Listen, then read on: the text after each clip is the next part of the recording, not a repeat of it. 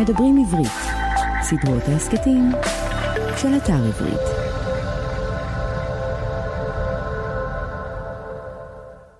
שלום לכולכם, שלום לכולכן, אנחנו הכיפות והשועל. מדף של ספרים ורעיונות לסקרנים ולסקרניות. תודה שהצטרפתם אלינו, שמי שמואל רוזנר. בנבחי פרה-היסטוריה, בערב קדומים, נתכנסו טרוגלודיטים לאור מדורות, בעורות נמרים, בקרני ראמים, בנבוטים של ערב, שורות שורות. זה נתן אלתרמן. טרוגלודיט, או טרוגלודיטים, הוא המונח שמשמש להתייחס לשוכני מערות, בני אנוש מהתקופה הפרה-היסטורית, בני אנוש עם התנהגות לא לגמרי תרבותית.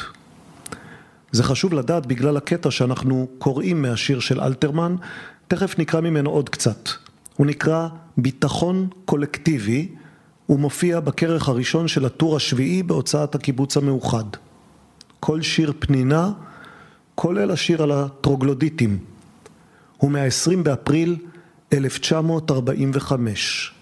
20 באפריל 1945, באותו יום חגג אדולף היטלר את יום ההולדת האחרון שלו. הוא היה בן 56.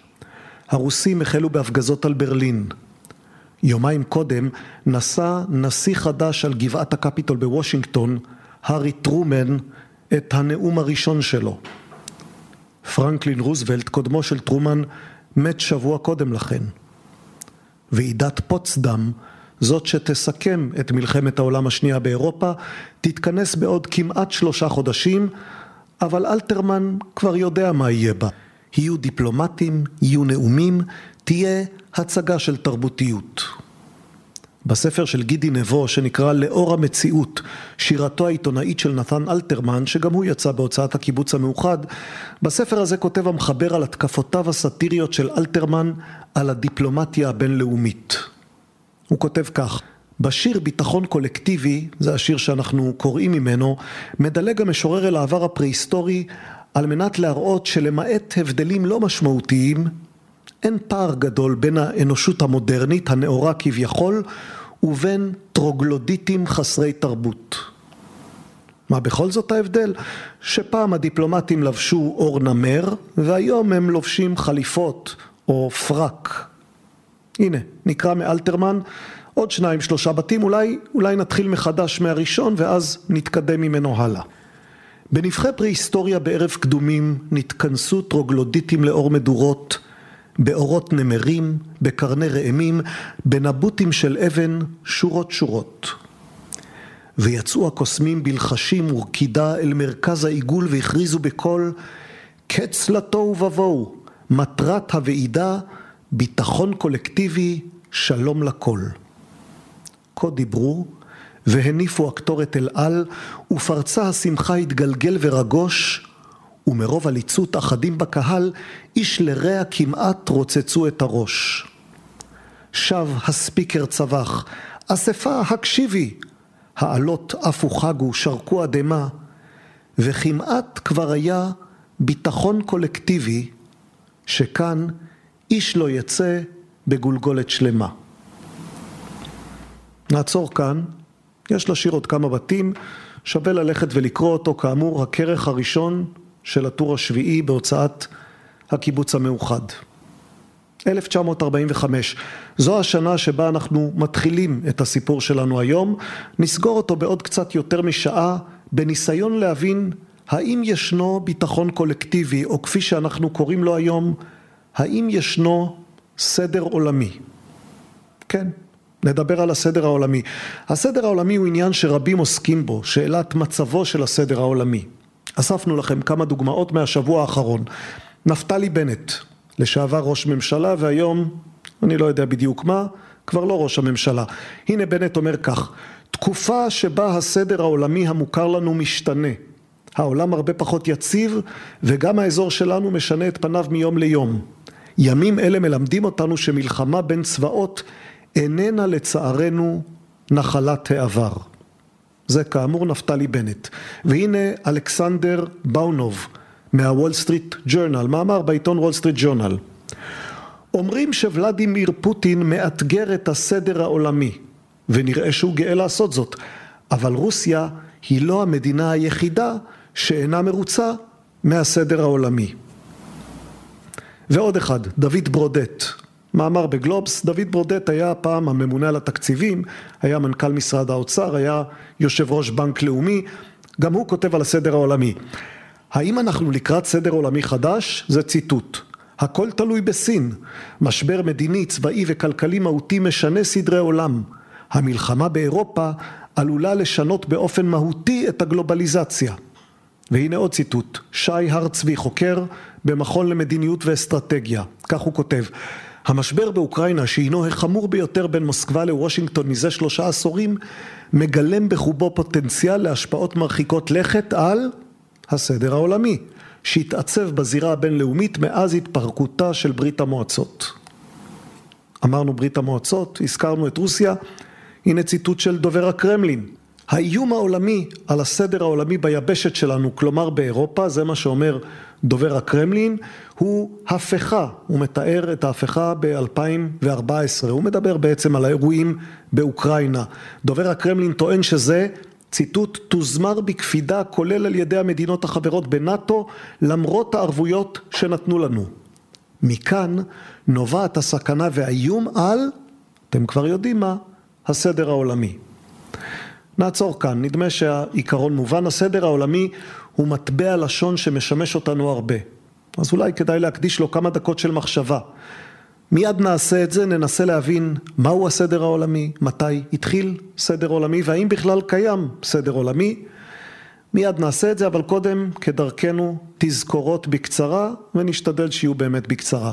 מיזם הכיפות והשועל מוציא ספרים, אפרופו סדר עולמי, אחד מהספרים האחרונים שלנו הוא ספר על סין, ההיסטוריה הכי קצרה של סין, כדאי לקרוא למי שרוצה להבין את הסדר העולמי. הוצאנו לאחרונה גם את האם העולם באמת קיים? של יצחק בן ישראל וגיא פינקלשטיין. נזכיר שאנחנו כאן פעם בשבועיים, בפרק הקודם אירחנו את פרופסור אניטה שפירא, אם לא האזנתם. לכו לאתר שלנו kipshu.com, kipshu.com, זה האתר שבו תוכלו למצוא את כל מה שתרצו לדעת על מיזם הכיפות והשועל וגם לשמוע את כל הפודקאסטים שלנו, אלה שכבר היו ואלה שעוד יהיו, kipshu.com.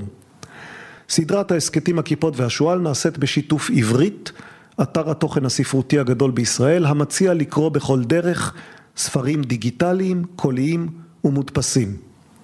כשנסיים לדבר על הסדר העולמי, נספר עוד קצת פרטים על מה הלאה במיזם הכיפות והשועל, אבל עכשיו, עוד פתיחה וחוזרים אחורה בזמן.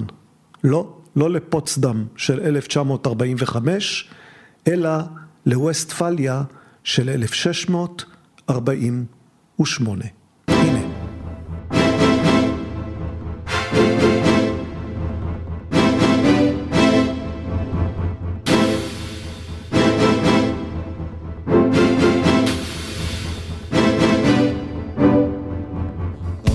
והשועל חזרנו, חזרנו ל-23 במאי 1618. משלחת של 200 אנשי אצולה פרוטסטנטים מבוהמיה צועדת בכעס לטירה המלכותית בפראג ואחרי דיון קצר עם כמה פקידים קתולים היא משליכה שלושה מהם מאחד החלונות לחצר הטירה. שלושת הפקידים נוחתים על ערימת שינה של זבל בדרך כלל לא נעים לנחות בערימה של זבל, אבל במקרה הזה חיי הפקידים ניצלים. סוף טוב? לא בדיוק. ביום שבו מתעופפים הפקידים מהחלון, נגזר גורלם של מיליוני אנשים באירופה לשלושים השנים הבאות. אמרנו בוהמיה. איפה לעזאזל? בוהמיה. זה חבל ארץ ברפובליקה הצ'כית של ימינו כשני שלישים משטחה של הרפובליקה הזאת בשנת 1609 רודולף השני הפך את פראג בירת בוהמיה לבירת האימפריה הרומית הקדושה. בשנת 1617 מת מתיאס, קיסר האימפריה הרומית הקדושה ומלך בוהמיה, ולא הותיר אחריו יורש. בן הדוד שלו פרדיננד ירש אותו כמלך בוהמיה, הוא נעשה פרדיננד השני, אתם לא מוכרחים לזכור את השמות. פרדיננד השני היה קתולי אדוק, וזו הייתה בעיה, משום שתושבי בוהמיה היו ברובם קלוויניסטים. פרדיננד והאדיקות הקתולית שלו לא בדיוק התאימה להם, והתנגדותם למלך החדש היא הניצוץ שמדליק מדורה גדולה. את מדורת מלחמת שלושים השנים. זה סכסוך שכלל חלק גדול מאירופה ושהיו לו ממדים פוליטיים והיו לו ממדים דתיים. סכסוך קשה, ארוך ומר. הנה כך כותב על המלחמה הזאת ארנסט גומבריך בספרו ההיסטוריה של העולם לצעירים מכל הגילים, יצא בספרי עליית הגג, בתרגום מגרמנית של דן תמיר. תכף תראו שגם הוא מזכיר את אותו אירוע שגם אנחנו הזכרנו. אז כך הוא כותב, זאת הייתה תקופה איומה. בתוך זמן קצר המצב הסתבך כל כך שאנשים כמעט לא ידעו עוד לשם מה ונגד מי הם בעצם נלחמים. לקיסרים ההבסבורגים של גרמניה, שמקום מושבם ושלטונם היה בווינה ובפראג לסירוגין, לא הייתה באמת השפעה מחוץ לגבולות אוסטריה והונגריה. הם היו אנשים אדוקים וביקשו להשיב על כנו את שלטונה של הכנסייה הקתולית בממלכתם.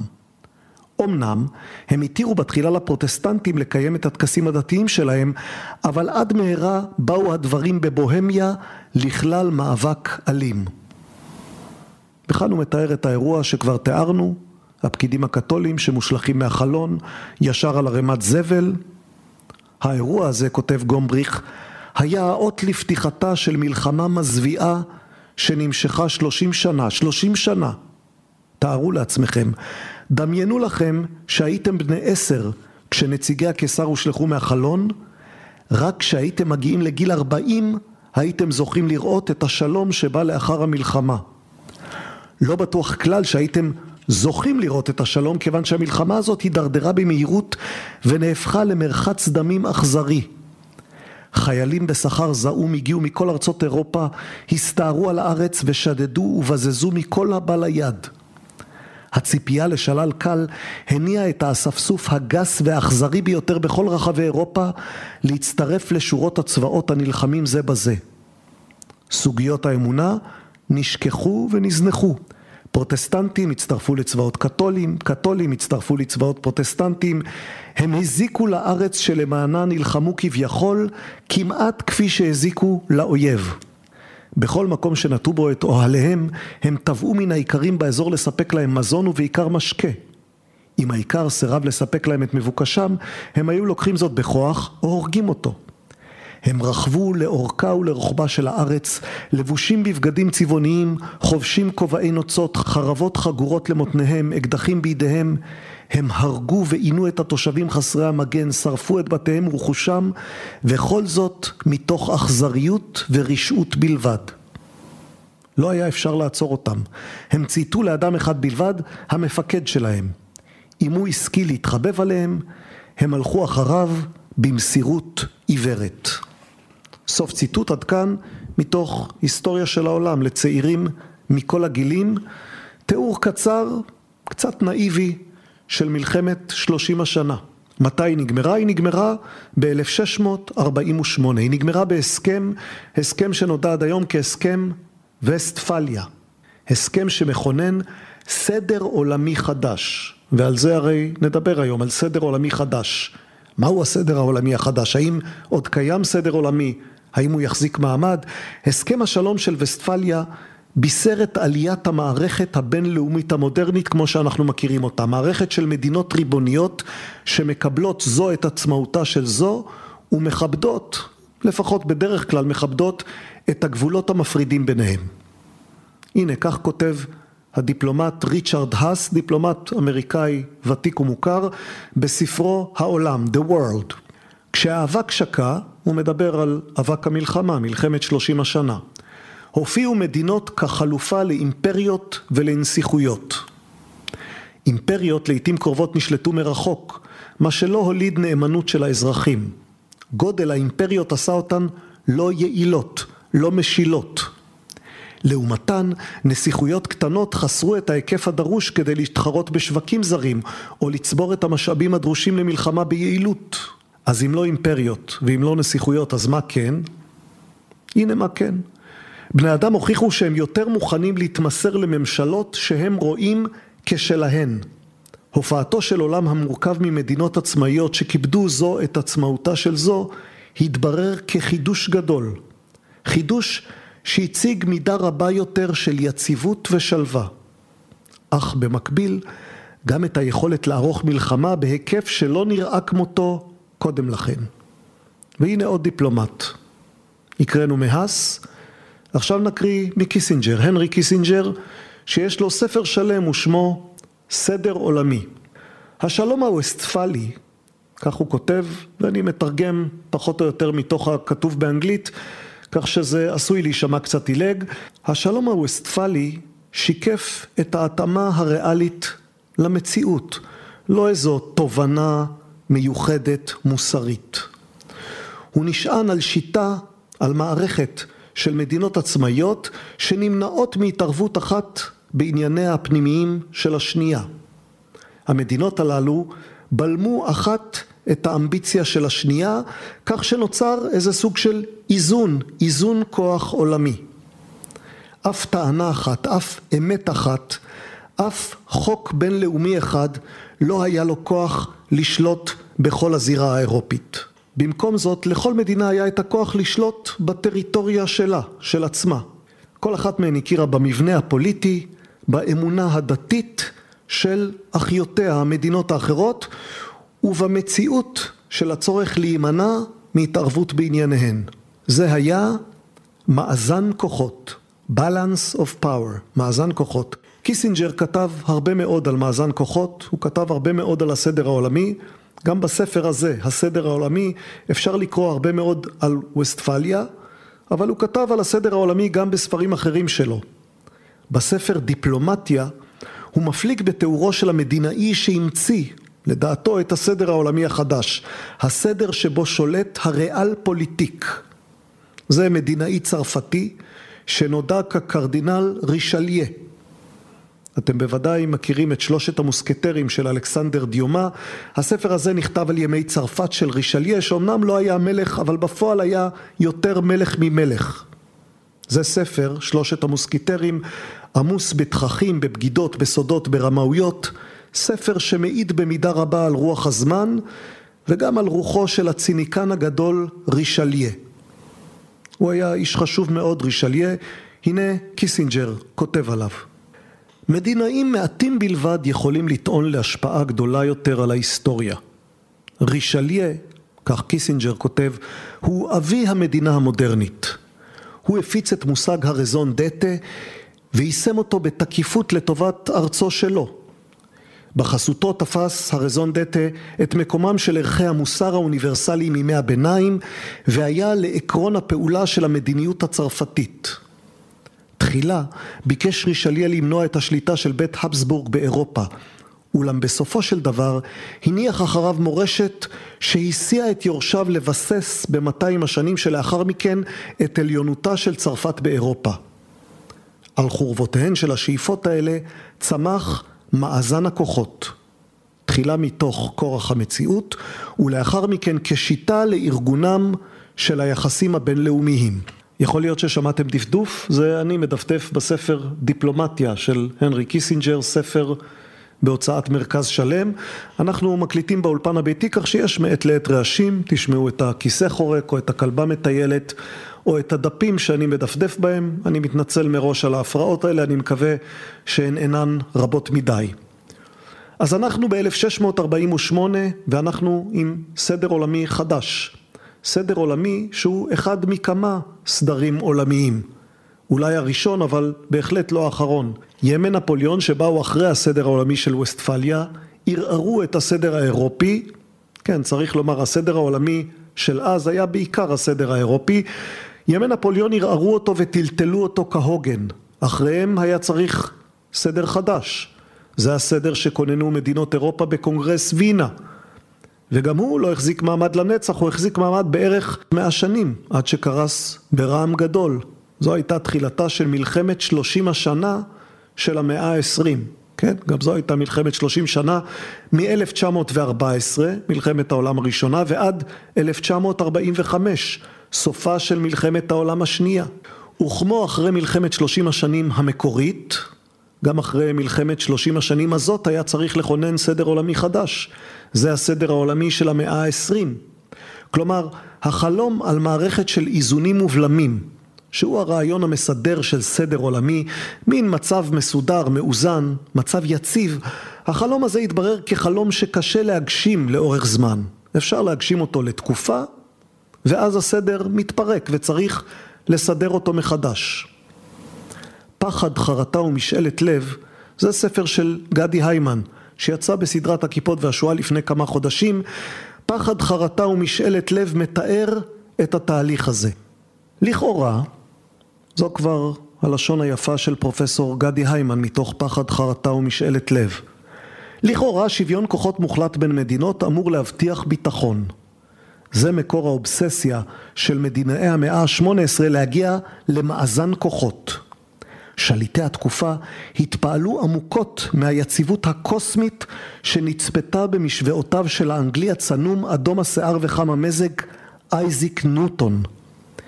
אם לכוכבים יש חיי נצח של תנועה מעגלית, מדוע לא ניתן להשיג יציבות דומה על כדור הארץ?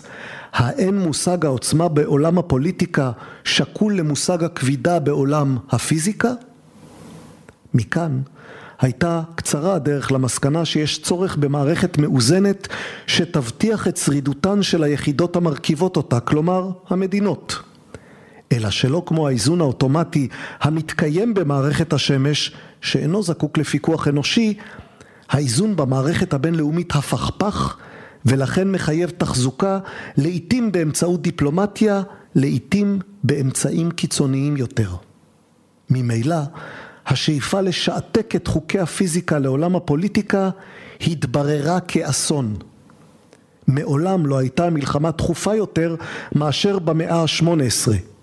הניסיון לשמר איזון מוחלט בין מדינות היה יומרני ולא מעשי. ביטחון אמיתי תובע לעתים לא שוויון כוחות כי אם עליונות של כוח אחד, הגמוניה. זה פתרון היסטורי בדוק שהביא לתקופות ארוכות של יציבות ואף לשלום. כמובן, זה פתרון שהעניק ביטחון אמיתי בעיקר להגמון, בעוד המדינות האחרות נותרו נתונות לחסדיו. לכן ברוב התקופות בהיסטוריה מדינות העדיפו עמידה מתמדת על המשמר וסבבי אלימות תכופים על פני האפשרות של הפקרת ביטחונן בידי מדינה אחרת. עד כאן גדי היימן ומכאן בחזרה למלחמת שלושים השנה של המאה העשרים. גם אחרי מלחמת העולם הראשונה, הראשונה שבין שתי מלחמות העולם, נעשה ניסיון לייצר סדר עולמי חדש. זה קרה בוועידת ורסאי.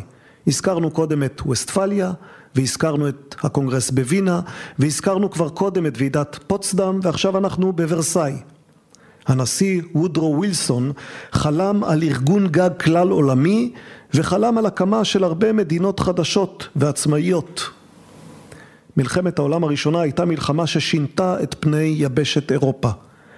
ארבע אימפריות קרסו כמעט בו זמנית אוסטרו-הונגריה, הקיסרות הגרמנית, האימפריה הצארית הרוסית וגם האימפריה העות'מאנית של הטורקים עשרות מיליונים של בני אדם נותרו בלי מסגרת פוליטית והנשיא האמריקאי וודרו ווילסון, נשיאה של המעצמה הגדולה העולה, הוא נשיא שלא מאמין בסיפוח של המפסידים על ידי המנצחים. כך נולדות מחדש ולפעמים יש מאין כל מיני מדינות פולין, הונגריה, פינלנד, אוסטריה, אוקראינה, אזרבייג'אן, צ'כוסלובקיה ויש עוד מדינות שנוספות. ספר חדש על ההיסטוריה של ארה"ב, ספר, ספר לא חדש, אבל חדש בעברית, מתאר יפה, אם כי בביקורתיות רבה, את האירוע הוא האירוע שבו הנשיא ווילסון מנסה להשליט סדר עולמי חדש. הספר נקרא מולדת התקווה, ההיסטוריה מעוררת ההשראה של ארצות הברית, כתב אותו ווילפרד מקליי והוא יצא עכשיו בהוצאת שיבולת בתרגום של אביעד שטיר, נקרא משהו מתוכו. וודרו ווילסון, כך כתוב בספר, הבין את חומרת השעה והציע חזון חלופי להסדרת העולם הבתר מלחמתי. אנחנו מדברים, כבר אמרנו, על סוף מלחמת העולם הראשונה. ווילסון האמין כי החזון הזה יבטיח שהניצחון יקר הדמים של מעצמות ההסכמה לא יהיה לשווא והסכים בהתלהבות להיות הכלי שבעזרתו יהפוך החזון למציאות. הוא התייעץ רבות עם מומחים משדות שונים על הדרך המיטבית לפעולה כאשר תגיע העת לדון על הסכם השלום. הוא קיווה שהתוצאה הסופית, 14 הנקודות שלו, תהיה ההישג החשוב ביותר שלו. המטרה שלו הייתה עיצוב של סדר עולמי חדש לגמרי, עולם, אלה מרכאות, בטוח וראוי לחיי אדם. סוף ציטוט. סקירה מהירה של 14 הנקודות ששרטט ווילסון בנאום שנשא בפני הקונגרס בשמונה בינואר 1918 מלמדת על גודל השאפתנות שלו. לא יהיו עוד בריתות סודיות. מעתה ואילך הפעילות הדיפלומטית תיערך באופן גלוי לגמרי ולעיניו של הציבור. עיקרון חופש השיט יהיה מוחלט. ההגבלות על המסחר הבינלאומי יבוטלו כמעט לגמרי או לגמרי. מלאי אמצעי הלחימה יצומצם בצורה ניכרת. תביעת הבעלות על שטחים קולוניאליים יעברו תיקונים שיתבססו בחלקם על רצון האוכלוסיות שבתוכם. כמעט כל שאר הנקודות עסקו בשרטוט המחודש של הגבולות באירופה והן לוו בדגש חזק ועקבי ואנטי אימפריאלי על עיקרון ההגדרה העצמית לכל הלאומים. אך שיאה של היוזמה בעיני ווילסון היה בנקודה נוספת, הנקודה הארבע עשרה. זו קראה להקמת איחוד כולל של אומות שיספק ערבות הדדית לעצמאות פוליטית ולשלמות טריטוריאלית למדינות גדולות וקטנות כאחד. התסבוכת המסוכנת של בריתות קדם מלחמתיות שלרוב היו דו צדדיות וחשאיות הייתה דבר שאסור היה לחזור עליו כמובן לשיטתו של ווילסון. אני מדלג קצת וממשיך לקרוא מתוך מולדת התקווה של ווילפרד מקליי. כמו דברים רבים מאוד שעשה ווילסון, ובמאמר מוסגר נאמר, הנשיא האמריקאי החליט לנסוע באופן אישי לוועידה הזאת, הוא חשב שבכוח אישיותו יצליח להשפיע על עיצוב הסדר העולמי החדש. כמו דברים רבים מאוד שעשה ווילסון, גם ההחלטה ללכת לפריז נבעה משילוב של אצילות וגאווה. הוא הרגיש שהוא יועד להגשים משימה גדולה למען העולם. אבל, כאן בא החלק הביקורתי בספר הזה, אבל גם הדמויות הגדולות בהיסטוריה חייבות להישאר עם הרגליים על הקרקע. במשך ששת החודשים הראשונים של 1919, חודשי שהותו הממושכת באירופה, הקואליציה שלו החלה להתפרק. בתחילה הגיע לאירופה והתקבל שם כגיבור, אבל אחר כך התברר שהמדינות לא מתפעלות מהעקרונות שהציע. קלמנסו מצרפת, לואי ג'ורג' מבריטניה, אורלנדו מאיטליה, ווילסון מארצות הברית, הם ששלטו בוועידה, ווילסון גילה כי העקשנות והציניות של שלושת האחרים אינן מותירות אפשרות להתקדמות ממשית במשא ומתן. הנטייה החזקה והגורפת של מדינות אירופה כמובן הייתה להעניש את גרמניה והרפורמות האוטופיות של חמש הנקודות הראשונות מנאומו של ווילסון זכו לכל ענות חלושה. נעצור כאן. נעצור כאן, כאמור קראנו ממולדת התקווה של ווילפרד מקליי. קראנו על החגיגה הצבעונית בפריז של אחרי מלחמת העולם הראשונה, שבתחילת הדרך השתיקה את רוב המבקרים, בדיעבד כמובן קל לנו לדעת שזה לא באמת הצליח, אבל בשנות ה-20 של המאה ה-20 היו מי שחשבו שזה מצליח או עומד להצליח, שאחרי מלחמת העולם לא תבוא עוד מלחמת עולם. הרולד ניקולסון שהיה חבר המשלחת הבריטית לוועידת השלום אמר הנה ציטוט יצאנו לפריז לא רק כדי לסיים את המלחמה אלא כי רצינו סדר עולמי חדש היינו חדורים תחושה אלוהית לא הסתפקנו בשלום בר קיימא, באנו להשיג שלום נצחי. סוף ציטוט. מי חלק על ההבחנה הזאת? היו כמה שחלקו עליה. אולי הבולט מכולם היה ג'ון מיינרד קיינס, מהכלכלנים החשובים ביותר של המאה הקודמת. הוא כינה את ווילסון, הנשיא האמריקאי, במילים עיוור וחירש. בשנות ה-20 של המאה ה-20 אלה נחשבו למילים בוטות, היום זה נשמע קצת חיוור. עיוור וחירש. קיינס היה חבר במשלחת הבריטית וכבר אז הבין שגרמניה לא תעמוד בהסכם שנכפה עליה, הוא הבין שגרמניה תתמוטט. ווילסון, הנשיא האמריקאי חלק עם אשתו קלישאה שאפשר לשמוע גם היום בהזדמנויות שונות. אם אף אחד לא מרוצה, כנראה שההסכם שהבאתי טוב. כך ווילסון כותב לאשתו. אבל זה כמובן משגה. לפעמים אף אחד לא מרוצה כי אין סיבה להיות מרוצה, וזה היה המצב אחרי הסכם ורסאי. הסדר העולמי של ורסאי היה שונה במהותו מהסדר העולמי של וינה או מזה של ווסטפליה.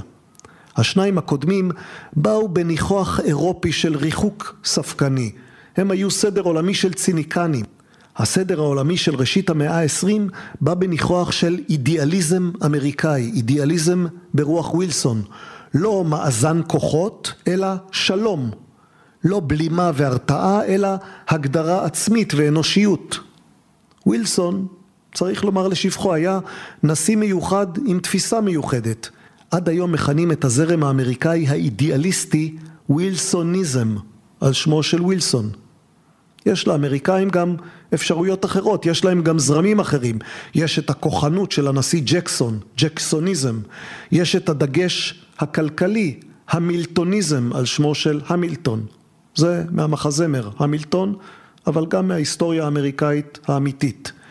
את שמות הזרמים האלה טבע וולטר ראסל מיד, פרופסור מוכר ליחסים בינלאומיים, שפרסם לא מזמן ספר על ציונות אמריקאית, אולי נעסוק גם בו בעתיד הלא רחוק.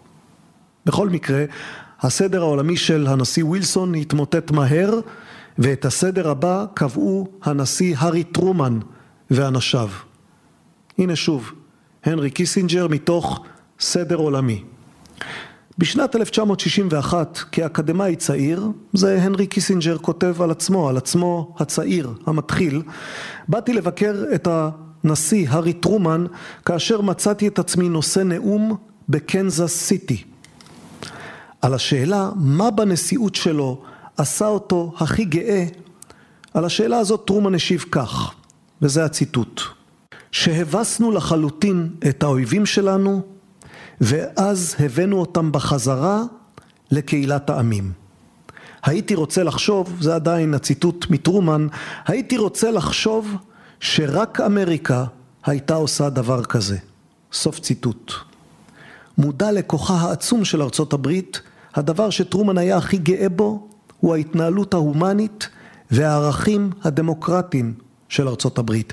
הוא רצה שיזכרו אותו לא בגלל הניצחון של אמריקה, אלא בגלל ההשלמה של אמריקה, בגלל הפעולות שעשתה למען השלום. נעים להיזכר בהארי טרומן. הביוגרף שלו, הביוגרף הכי חשוב שלו, דיוויד מקאלה, מת לא מזמן. יש עליו מאמר קצר שכתבתי באתר של הכיפות והשועל, אתם יכולים לחפש אותו שם. מקאלה קיבל פעמיים את פרס הפוליצר על ספרים שכתב, ואם זה לא היה קצת לא נעים לתת את כל הפרסים לאותו אדם, יכול להיות שהיה מקבל יותר משניים. הביוגרפיה שכתב על הנשיא טרומן הפכה את עולמו של טרומן לאחר מותו.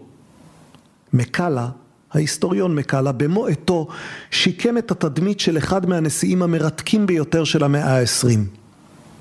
כי לא כולם זוכרים, אבל טרומן עזב את הבית הלבן מוכה וחבול, שקוע במלחמת קוריאה, מבין שלא יוכל לעשות עוד נס ולהיבחר, מבין שהגנרל הפופולרי, דווייט אייזנהאואר, ינצח את כל מי שלא יתייצב מולו.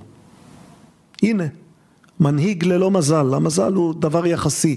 נשיא שנתקע בין הכי פופולרי אי פעם, מי שהיה לפניו, פרנקלין רוזוולט, לבין הכי פופולרי בזמן בחירתו אי פעם, הנשיא אייזנהאואר. נשיא שקרה במקרה, הארי טרומן היה נשיא שקרה במקרה, רוזוולט מת והאיש האנונימי שכמעט אף אחד לא ספר, שנבחר לשמש בצילו של רוזוולט, הוקפץ לבית הלבן ותחשבו מתי, בעיצומה של מלחמת עולם, ערב מלחמה קרה, כאמור חוסר מזל. אלא שאז פתאום היה מזל, מזלו של טרומן, מזלו שדווקא עליו מקאלה החליט לכתוב ביוגרפיה. ההיסטוריון הרוויח פוליצר, הנשיא שכבר מת מזמן הרוויח חיי נצח. זה טרומן, אחרי ווסטפליה, אחרי וינה, אחרי ורסאי, בא טרומן עם עוד ניסיון לכונן עוד סדר עולמי. יש מי שחושבים היום שאנו חיים בזמנים פוליטיים מתישים במיוחד. אבל כמו שבברלי גייג' כתבה בשבועון ניו יורקר לא מזמן, הקצב הנוכחי שלנו היום, מגפה, מחאה, מגפה, בחירות, התקוממות, מגפה, פלישה לאוקראינה, הקצב הזה לא דומה בכלל לעידן של טרומן. בין אפריל 1945, כאשר מותו של רוזוולט הזניק את טרומן לבית הלבן, לבין ינואר 1953, כאשר טרומן העביר את השרביט ליורשו אייזנהאואר, בזמן הקצר הזה תשמעו מה קרה, הוטלו פצצות אטום על יפן, מלחמת העולם השנייה נגמרה, המלחמה הקרה החלה, מדינת ישראל קמה, ברית המועצות פיתחה נשק גרעיני, סין עברה מהפכה קומוניסטית, המערב יצר את נאט"ו, העולם יצר את האומות המאוחדות, מלחמת קוריאה החלה, וזו רשימה חלקית מאוד של מה שהנשיא הארי טרומן היה צריך להתמודד איתו. עד כמה טרומן עיצב את האירועים האלה ועד כמה טרומן עוצב על ידיהם זו חידה שעומדת בלב ספר חדש של ג'פרי פרנק.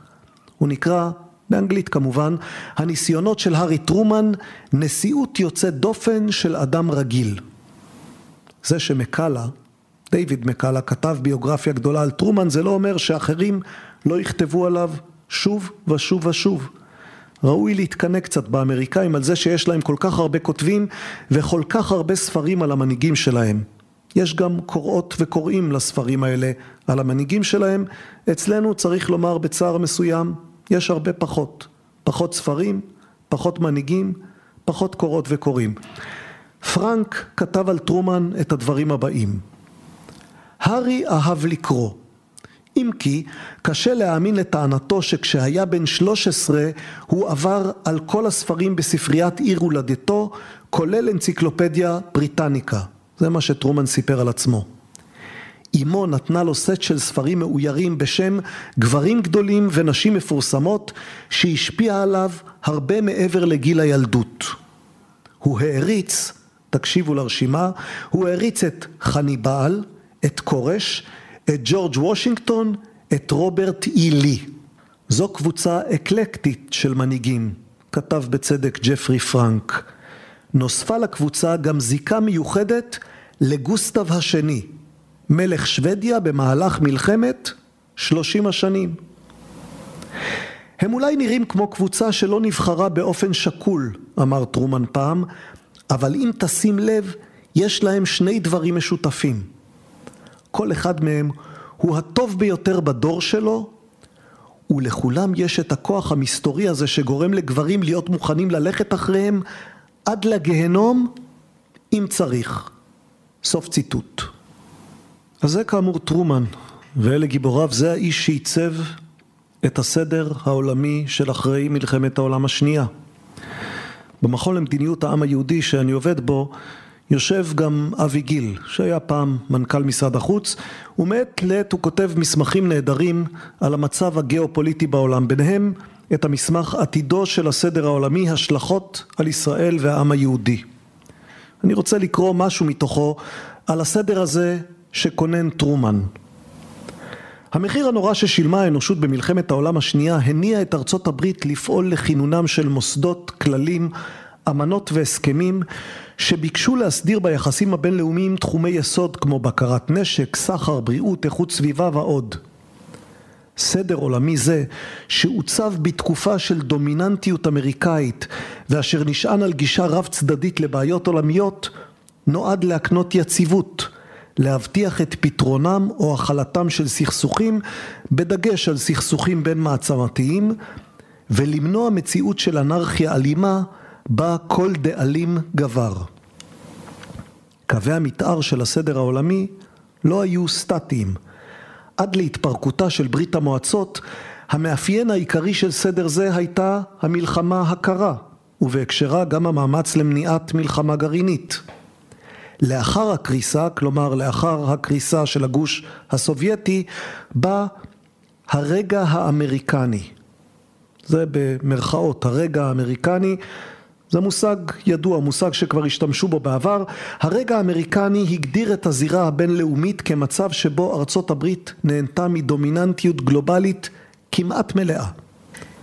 בסוף מלחמת המפרץ הראשונה, אנחנו מדברים על 1991, הנשיא בוש, זה בוש האבא, הצהיר שהמלחמה היא על, ציטוט, יותר ממדינה אחת קטנה, זה רעיון גדול, סדר עולמי חדש, סוף ציטוט. סדר שקובע, וזה שוב בוש, דרכים חדשות לעבודה עם מדינות אחרות, יישוב מחלוקות בדרכי שלום, סולידריות נגד תוקפנות, ארסנלים מופחתים ומבוקרים של נשק גרעיני, יחס צודק לכל העמים. סוף ציטוט, ימות המשיח איתנו. והנה שוב אבי גיל. רגע זה גם הוא חלף. עם התעשתותה האסטרטגית של רוסיה כמעצמת על, ולאור צמיחתה מעוררת ההשתאות של סין. תבניתו של הסדר העולמי שיקפה את המתח והיריבות בין הכוחות הדמוקרטיים ליברליים לבין הכוחות האוטוריטריים. התנהלות שחקני המערכת הבינלאומית התבססה בראש ובראשונה על אינטרסים והייתה rules based, כלומר מבוססת על חוקים, להבדיל מ-value based, כלומר מבוססת על ערכים.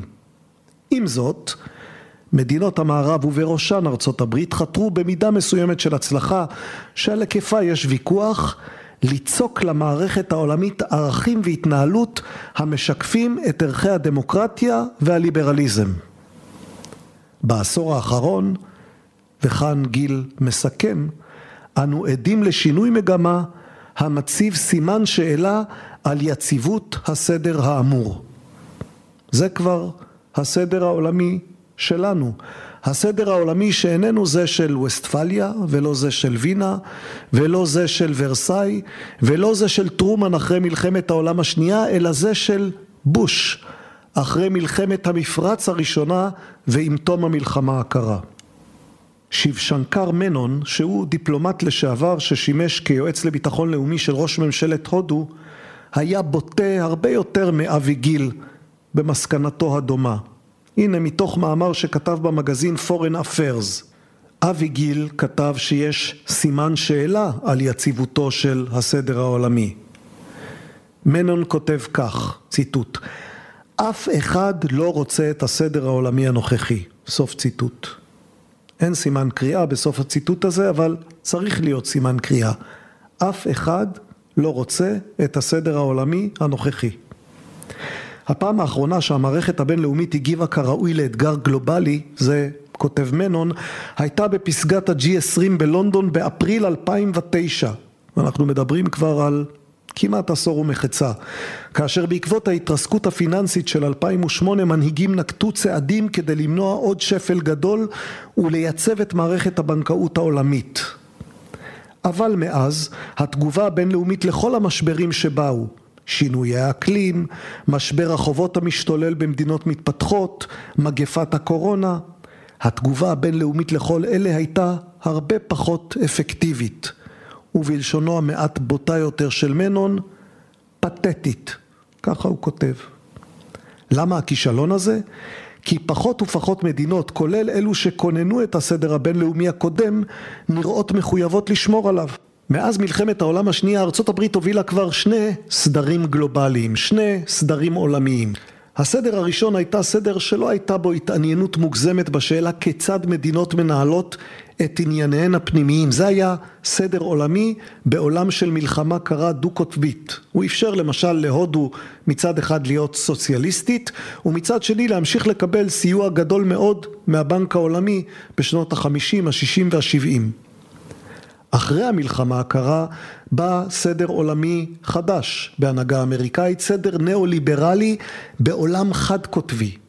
זה סדר עולמי שהתעלם מהריבונות ומהגבולות הלאומיים היכן שהיה צריך לדעת האמריקאים.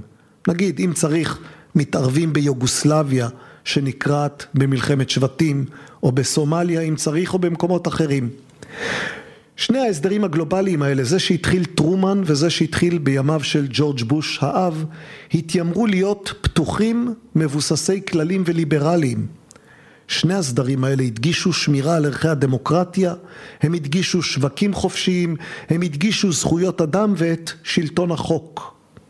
אבל באופן ריאלי, וגם את זה צריך לומר בגלוי, שני הסדרים האלה נשענו על הדומיננטיות של הכוח הצבאי, הפוליטי והכלכלי של מדינה אחת, מעצמה אחת, ארצות הברית של אמריקה.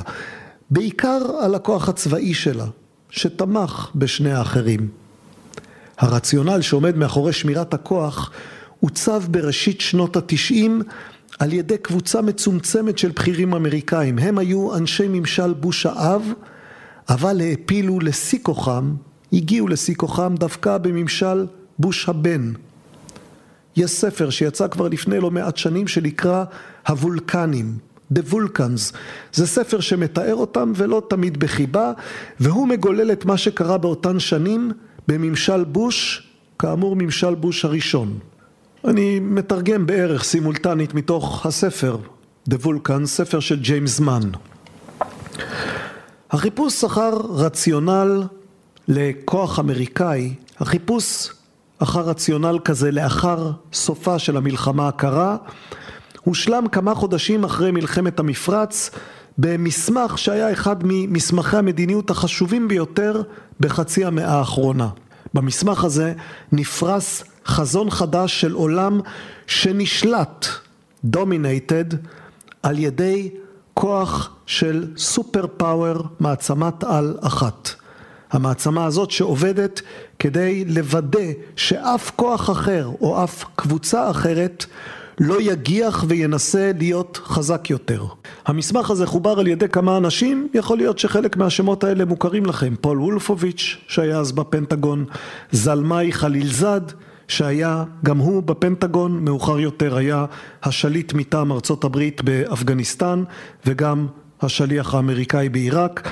המסמך הזה הודלף מתוך הפנטגון בצורת טיוטה וכמובן שעורר מהומה גדולה ואילץ את הממשל לכתוב אותו מחדש. ובכל זאת המסמך הזה, כותב ג'יימס מן, המסמך הזה גם בפורמט המקורי שלו לפני ששוכתב וגם בפורמט הנקי יותר שלו, זה ששוכתב ונוקע מדברים שערורייתיים, למסמך הזה הייתה השפעה שנותרה לאורך ימים. הוא פרס הרבה מאוד מהרעיונות הספציפיים ומסוגי המדיניות שהוולקנים המשיכו לחתור אליהם גם כאשר חזרו לעולם הכוח, גם כאשר חזרו לממשל ג'ורג' בוש הבן, ג'ורג' W בוש. באופן כללי יותר המסמך הזה פרס מיני תמות, מיני תיאוריות שלא רק הוולקנים אלא גם המתנגדים הדמוקרטיים שלהם מהמפלגה השנייה שאלו מהם בשנות התשעים.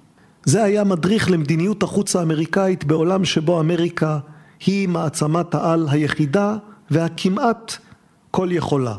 המסמך של הפנטגון פרס חזון של עתיד גלובלי שבו יש, הנה ציטוט, סדר עולמי שבאופן כללי נשלט על ידי ארצות הברית.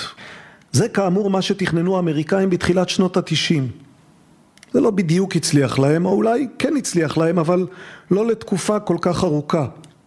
במעבר מבוש האב לבוש הבן דברים השתנו בעולם ובמעבר מבוש הבן לימינו השתנו עוד הרבה מאוד דברים אחרים בעולם. השנים האחרונות מלמדות על האפשרות שהסדר העולמי של אחרי המלחמה הקרה הוא כבר מזמן נחלת העבר. מעצמות גדולות, כולל אמריקה עצמה, מפגינות מה שאפשר לכנות התנהגות רוויזיוניסטית. הן חותרות אחר מטרות לרעת הסדר הבינלאומי.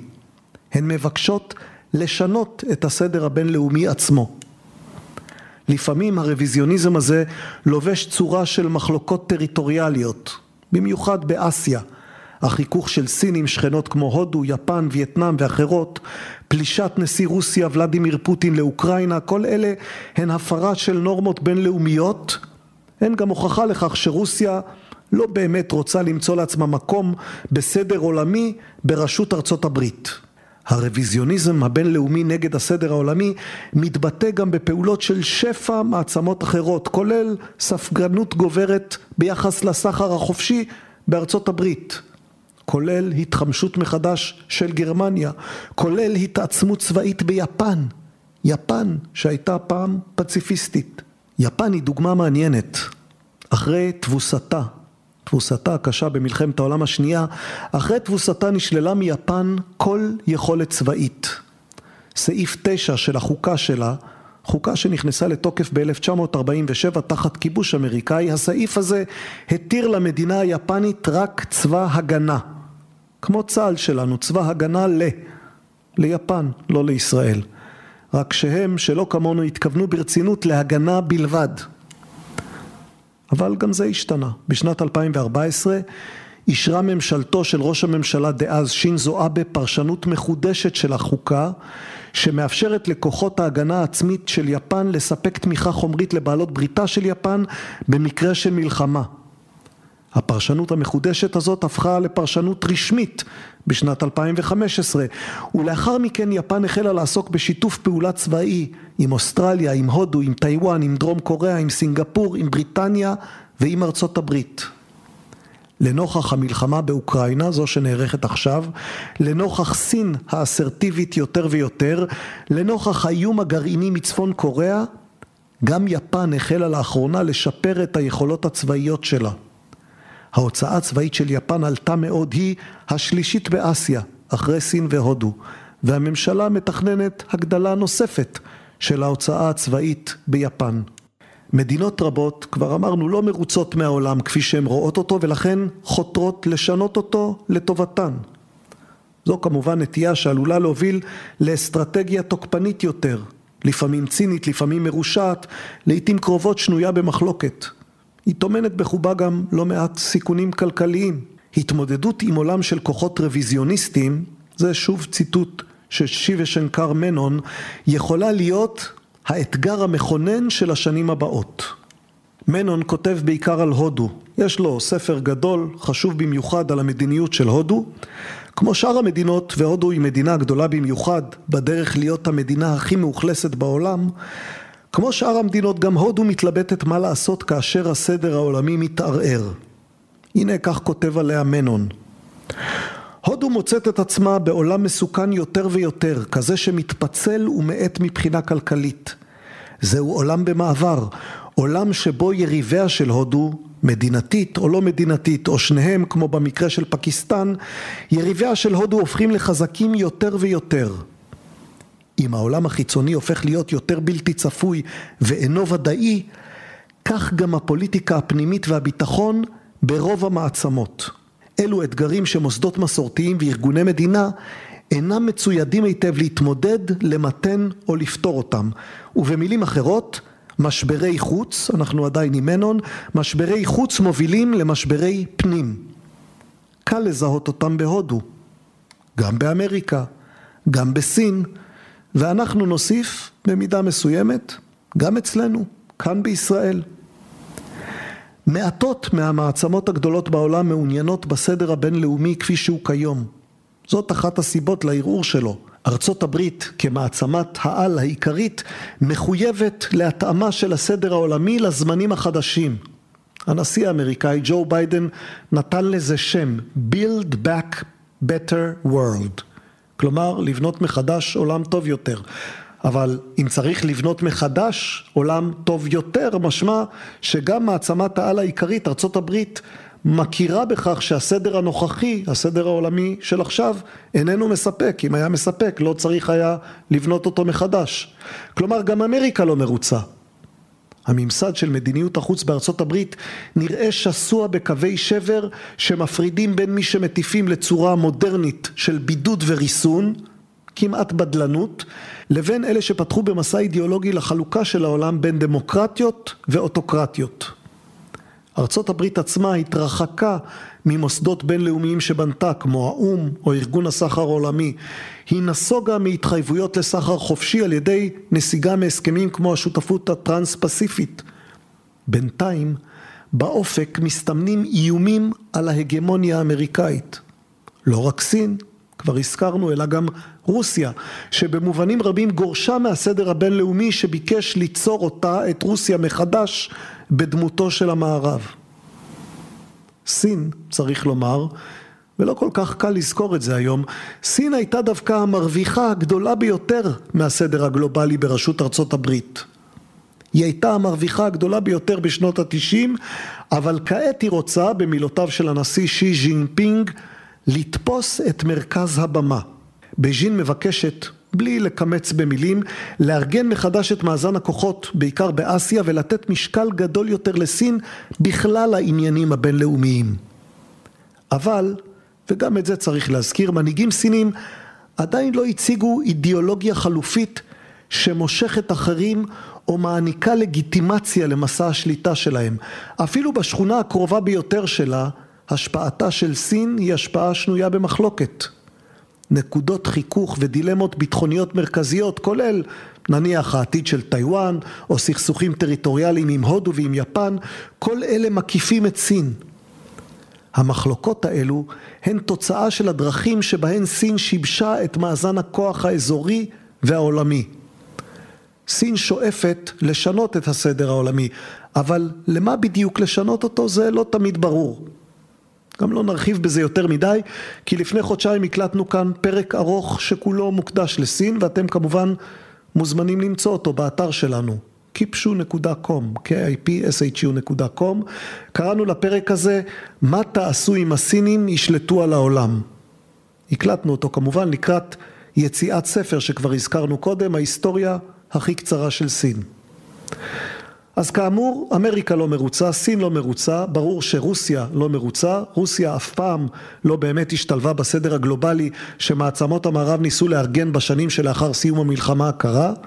מוסקבה שבה והתרעמה על דעיכתה והשפעתה המופחתת לאחר קריסת ברית המועצות ואפשר להבין את זה. הפלישה לאוקראינה היא רק הביטוי האחרון לתחושה הזאת שמובילה את רוסיה לעבוד עם סין כדי לערער את ההנהגה העולמית של ארצות הברית ולנסות לזעזע את אירופה שבה הכוח הרוסי עדיין חשוב מאוד גם מבחינה כלכלית וגם מבחינה צבאית.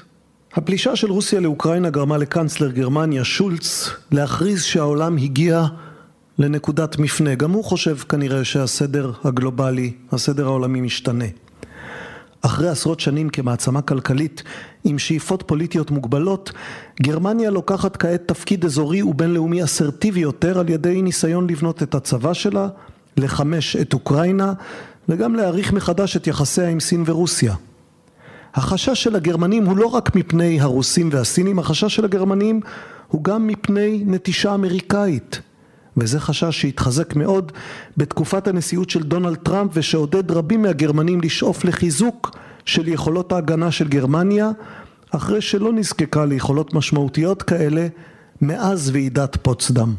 גם יפן מעריכה מחדש את תפקידה בסדר העולמי בגלל עלייתה של סין, כבר הזכרנו את יפן, אנחנו מזכירים את המדינות החזקות החשובות בעולם יפן נמצאת בתקופת מעבר ממעצמה שממוקדת בכלכלה, מעצמה פציפיסטית, גם היא מאז תום מלחמת העולם השנייה, למדינה חזקה עם מדיניות חוץ יותר שגרתית, כמעט מדינה נורמלית.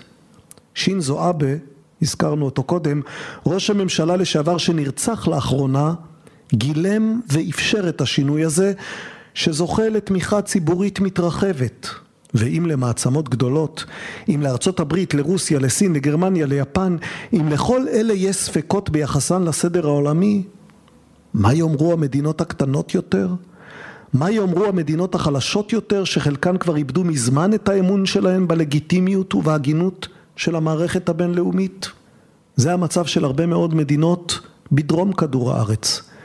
אלה מדינות שזיהו שהאו"ם, שקרן המטבע הבינלאומית, שהבנק העולמי, שארגון הסחר העולמי, הם זיהו שכל אלה לא מצליחים לקדם באופן ממשי את הפיתוח שלהן. אלה מדינות שמשבר החוב שלהן החמיר בעקבות הקורונה, מדינות שסובלות מגפה ואינפלציה, מחסור במזון, מחסור באנרגיה שנגרם על ידי מלחמת אוקראינה. לפי קרן המטבע הבינלאומית, יותר מחמישים מדינות בעולם נמצאות כעת בסיכון גבוה למשבר חוב. ההיסטוריה של כישלון כלכלי מוסיפה רובד של קושי לרבדים אחרים, לקשיים אחרים. פלישות סדרתיות, התערבויות פוליטיות, הפכות לשינוי משטר, התערבות סמויה וגלויה בתהליכים חברתיים ופוליטיים. המעצמות הגדולות בוחשות כל הזמן במדינות הקטנות. הפלישה של רוסיה לאוקראינה היא רק דוגמה עדכנית להפרה כזאת של הריבונות הבינלאומית, אך גם מעצמות מערביות רבות הפרו ריבונות של מדינות אחרות, בסרביה, בסומליה, בעיראק, באפגניסטן. זו התנהגות שהביאה מדינות מתפתחות רבות לתחושת חוסר ביטחון ולפקפוק בצדקתו וביעילותו של הסדר העולמי. מנון קורא לזה אנרכיה זוחלת. היא זוחלת למשטר היחסים הבינלאומיים. לא אנרכיה במובן המוחלט של המונח, אלא היעדרו של עיקרון מארגן מרכזי, או היעדרו של בעל בית. אין מעצמה אחת שיכולה להכתיב את תנאי הסדר העולמי הנוכחי, והמעצמות הגדולות אינן מסכימות על מערכת ברורה של עקרונות ונורמות. קשה לקבוע כללים כאשר כל כך הרבה מדינות נוסעות בדרך כרצונן, בלי תמרורים, כל אחת במהירות שנראית לה. סין ורוסיה מפקפקות בהיבטים מרכזיים של הסדר הליברלי המערבי, במיוחד נורמות הנוגעות לזכויות אדם אוניברסליות ולחובות של מדינות. הן טוענות לעקרון ריבונות המדינה. אם זה העיקרון, הוא מוכרח להישען על כוח. כוח שימנע מאחרים להתערב. מה שמוביל למרוץ חימוש, מה שמוביל להליכה על הסף. מצב חדש? כן, במידה מסוימת זה מצב חדש, אבל גם בזה כדאי להיזהר, לא להגזים.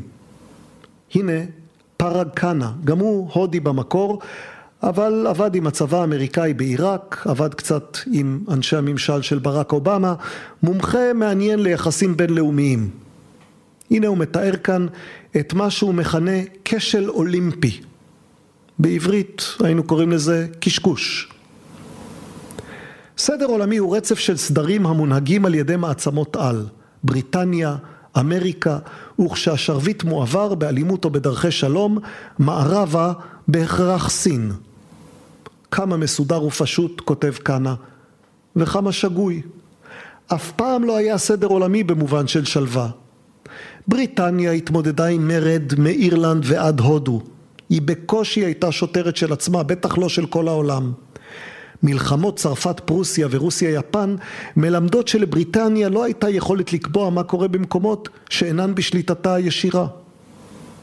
אמריקה זינקה ביוקרה כלכלית וצבאית לאחר מלחמת העולם הראשונה אבל אז באו היטלר ומלחמת העולם השנייה באירופה ובאסיה ואחריה הדו-קוטביות של ארצות הברית מול ברית המועצות עם מלחמות מאמריקה הלטינית לאפריקה ועד למזרח התיכון ולהודו סין ושוב באה חד-קוטביות ב-1991 אבל איתה גם מלחמות יוגוסלביה והבלקן, רצח העם ברואנדה, מלחמת אזרחים בקונגו והניסויים הגרעיניים של הודו ופקיסטן. אמריקה לא באמת שלטה בעולם, היא לא הייתה שוטרת עולמית. כבר ב-2005 מזכיר כהנא, כבר ב-2005 סין זרקה גלגלי הצלה מסחריים וצבאיים לתריסר מדינות שאמריקה כינתה מדינות נוכלות, מוונצואלה ועד איראן ועד צפון קוריאה. יש הסבורים שמה שמתחולל כעת בעולם הוא מעבר למאבק דו-גושי, מלחמה קרה נוספת. בצד אחד עולם חופשי, בצד שני עולם של אוטוקרטיות. הברית הטרנס-אטלנטית התגבשה וסין ורוסיה נראות מאוחדות בברית נגד המערב. אבל זה רחוק מאוד מלחמה קרה. קודם כל משום שיש לא מעט דמוקרטיות שמציגות יותר מאפיינים של מדינות אוטוקרטיות. וגם משום שתגובת העולם למלחמת אוקראינה מעידה שאין גוש מאוחד מחוץ לברית הטרנס-אטלנטית, זאת של ארצות הברית ואירופה. וגם כי לתלות ההדדית הכלכלית של סין וארצות הברית אחת בשנייה אין תקדים במלחמה הקרה.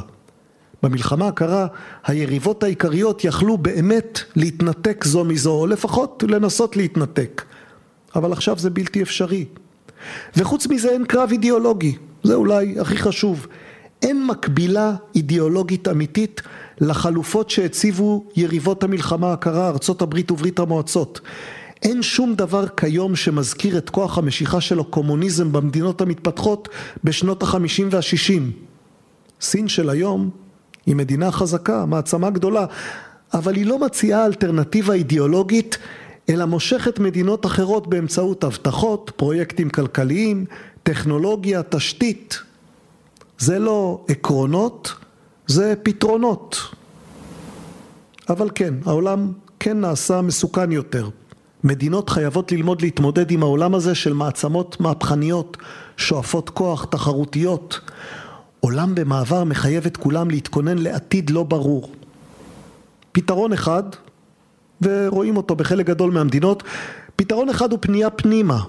סין, הודו, ארצות הברית ואחרות עשו זאת כולן בשנים האחרונות. כולל חקיקה בארצות הברית ממש לאחרונה שנועדה לשפר את היכולת לפעול בלי להסתמך על יבוא של מעבדים מסין. הן רוצות להיות עצמאיות יותר מבחינה כלכלית ובמקביל הן רוצות להיות גם בטוחות יותר מבחינה צבאית. כל המעצמות, כל המעצמות וגם רוב המדינות הבינוניות חותרות להרחיב את יכולות ההגנה שלהן וגם יכולות בתחום הגרעיני. הוצאות הביטחון העולמיות שברו שיא לפני שנה למרות הקושי הכלכלי שנבע ממגפת הקורונה. באופן בלתי נמנע הרבה כוחות בינוניים וקטנים יותר יבקשו לאזן את הקשרים שלהם עם כוחות גדולים באמצעות בריתות מקומיות. אפשר לראות את זה בתגובה של איגוד מדינות דרום מזרח אסיה למחלוקת הגוברת בין ארצות הברית ובין סין. אפשר לראות את זה אולי גם בקשרים החדשים של ישראל עם המדינות הסוניות במפרץ. לאחרונה מדינות רבות באפריקה, באסיה, באמריקה הלטינית בעלות קשרים חזקים עם המערב סירבו להצטרף לסנקציות נגד רוסיה. למה סירבו? כי בעולם בלי סדר עולמי ברור מוטב לא להכניס את הראש לסכסוכים שאינם שלך. כמובן, גם עם זה יש בעיה, כי פעולה ברמה המקומית לא מספיקה להתמודדות עם בעיות גלובליות גדולות. לדוגמה, עם ההתחממות הגלובלית, או עם מגפה, או עם בעיית החובות של מדינות עניות מאוד כמו סרי לנקה. כשהסדר הישן מתפרק והחדש עוד לא נולד, יש יתרון למדינות שמבינות היטב את מאזן הכוחות, אבל כולן צריכות להניח שמאזן הכוחות המשתנה במהירות לא יספק את הבסיס לסדר יציב למשך תקופה מסוימת. במקום זאת, המעצמות כנראה ייגררו ממשבר למשבר ככל שחוסר שביעות הרצון שלהן מהמערכת הבינלאומית ואחת מהשנייה תגבר. אז לאן כל זה מוביל? מי שרוצה להיות פסימי, יזכיר שסדר עולמי חדש מתחיל בדרך כלל אחרי מלחמה גדולה. מלחמת שלושים השנה, מלחמות נפוליאון, מלחמת העולם הראשונה, מלחמת העולם השנייה, המלחמה הקרה. טוב, המלחמה הקרה זו האופציה המוצלחת יחסית, ולא שהמלחמה הקרה הייתה נפלאה כל כך, בעיקר אגב לא למי שגרו במקומות כמו וייטנאם או קוריאה, גם לא למי שנתקעו במזרח גרמניה הדכאנית. כך או כך, התסריט הפסימי מוביל לעימות גדול. דיברנו עליו קצת בפרק על סין, בהקשר למלכודת טוקידידס, התיאוריה שעוסקת בנטייה של אומות מתפתחות בהיסטוריה, לאתגר את הכוחות המובילים כדי להשיג מעמד בינלאומי, מה שמוביל לעיתים קרובות למלחמה. על פי החשבון של גרם אליסון, זה בדרך כלל מה שקורה, בדרך כלל מאבק כזה מוביל למלחמה. אבל אפשר לנסות להיות גם יותר אופטימיים, או לפחות להיזהר בתחזיות קשות על משהו מצב לא לגמרי ברור. הנה, נחזור לכאן, הוא כתב אגב בדיצייט הגרמני מאמר ארוך ומרתק. החזון של סדר עולמי, זה שמדברים עליו באוניברסיטאות או במשרדי חוץ או כותבים עליו במגזינים ובספרים, החזון הזה, כך הוא כותב, דומה רק במעט למציאות. ממילא, הוא לא מוצא טעם רב בניסיון למצוא סדר עולמי. לא רק שהוא לא קיים, לא בטוח שהוא רצוי. בגלל שכתב כל כך יפה ניתן לכהנא את זכות המילה האחרונה. טענתו באופן מאוד כללי שהסדר העולמי הוא במידה רבה פיקציה. לא היה ולא נברא. היה העולם פחות גלובלי כלכלית, היום הוא יותר גלובלי כלכלית, וכל מה שננסה לומר על האופן שבו יתארגן מחדש כמעט חסר משמעות. מדינות מגיבות על התפתחויות כשהן קורות, והסדר נקבע רק בדיעבד, יותר בראש שלנו מאשר בעולם עצמו. אז הנה, משפט אחרון מכאנה, לפני האות ולפני שנשמיע כמה דברי סיכום. ציטוט: עולם ללא מרכז נשמע כמו כאוס, ובכל זאת, הסדר הרצוי ביותר הוא כזה שבו כולם מתחברים, אבל אף אחד לא שולט. סוף ציטוט.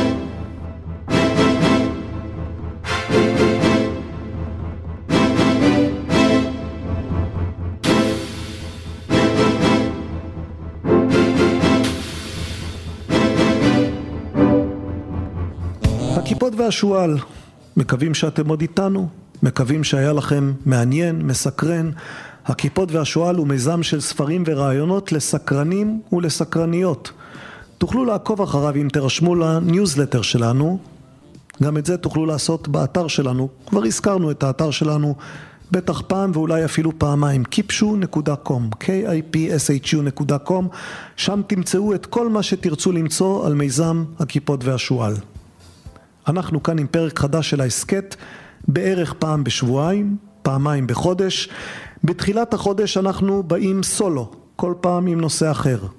באמצע החודש יש אצלנו אורח או אורחת שמשוחחים על שלושה ספרים לבחירתם ובדרך כלל גם על הרבה מעבר לספרים האלה. האורחת הקודמת שלנו הייתה פרופסור אניטה שפירא, כלת פרס ישראל להיסטוריה. אתם יכולים למצוא את הפרק איתה באתר שלנו. האורח הבא שלנו, זה בערך בעוד שבועיים, יהיה הרב דוקטור מיכאל אברהם. וזאת תהיה שיחה מרתקת, אני מתחייב לכם, על לולאות מוזרות, על מציאות האל, על מעמד הר סיני, על האבולוציה, על גוף ונפש ועוד ועוד. זה כאמור בעוד בערך שבועיים. לפני שנפרדים, תודה לצוף וייסבוך שמסייעת לנו במסגרת שיתוף הפעולה שלנו עם עברית. סדרת ההסכתים הכיפות והשועל נעשית בשיתוף עברית, אתר התוכן הספרותי הגדול בישראל, המציע לקרוא בכל דרך ספרים דיגיטליים, קוליים ומודפסים. איזה ספרים תוכלו למצוא בעברית? למשל את הספרים של הכיפות והשועל כמובן. יצאו ארבעה עד כה ויצאו עוד שניים בספטמבר. האחרונים שהוצאנו הם ההיסטוריה הכי קצרה של סין והאם העולם באמת קיים. כל אחד מהם פנינה מסוג אחר. בקרוב נוציא את עשרה קיסרים, ספר על רומא העתיקה, ונוציא גם ספר מאוד אקטואלי, מאוד מאוד אקטואלי, שעוסק באסטרטגיה ברמה הכי אקוטית למדינת ישראל. אנחנו עוד לא מגלים מה הספר הזה, אבל בקרוב מאוד תוכלו לדעת, הוא ספר שמחייב התנעה של דיון ציבורי שמשמעותו קריטית לעתיד של כולנו. זהו, אני מקווה שעוררנו קצת את סקרנותכם, פרטים כאמור באתר kipshu.com, הכיפות והשועל, וגם בחשבונות שלנו בפייסבוק ובטוויטר, בואו ועשו לנו לייק, עקבו אחרינו, זה יהיה נחמד. יהיה נחמד גם אם תשובו בעוד שבועיים לפרק הבא של הכיפות והשועל, ועד אז נאחל לכם יום טוב, שבוע טוב, סוף קיץ טוב. כבר מדגדג להתחיל ולומר שנה טובה, אבל אולי זה עוד טיפה מוקדם לזה. אז שיהיה רק טוב.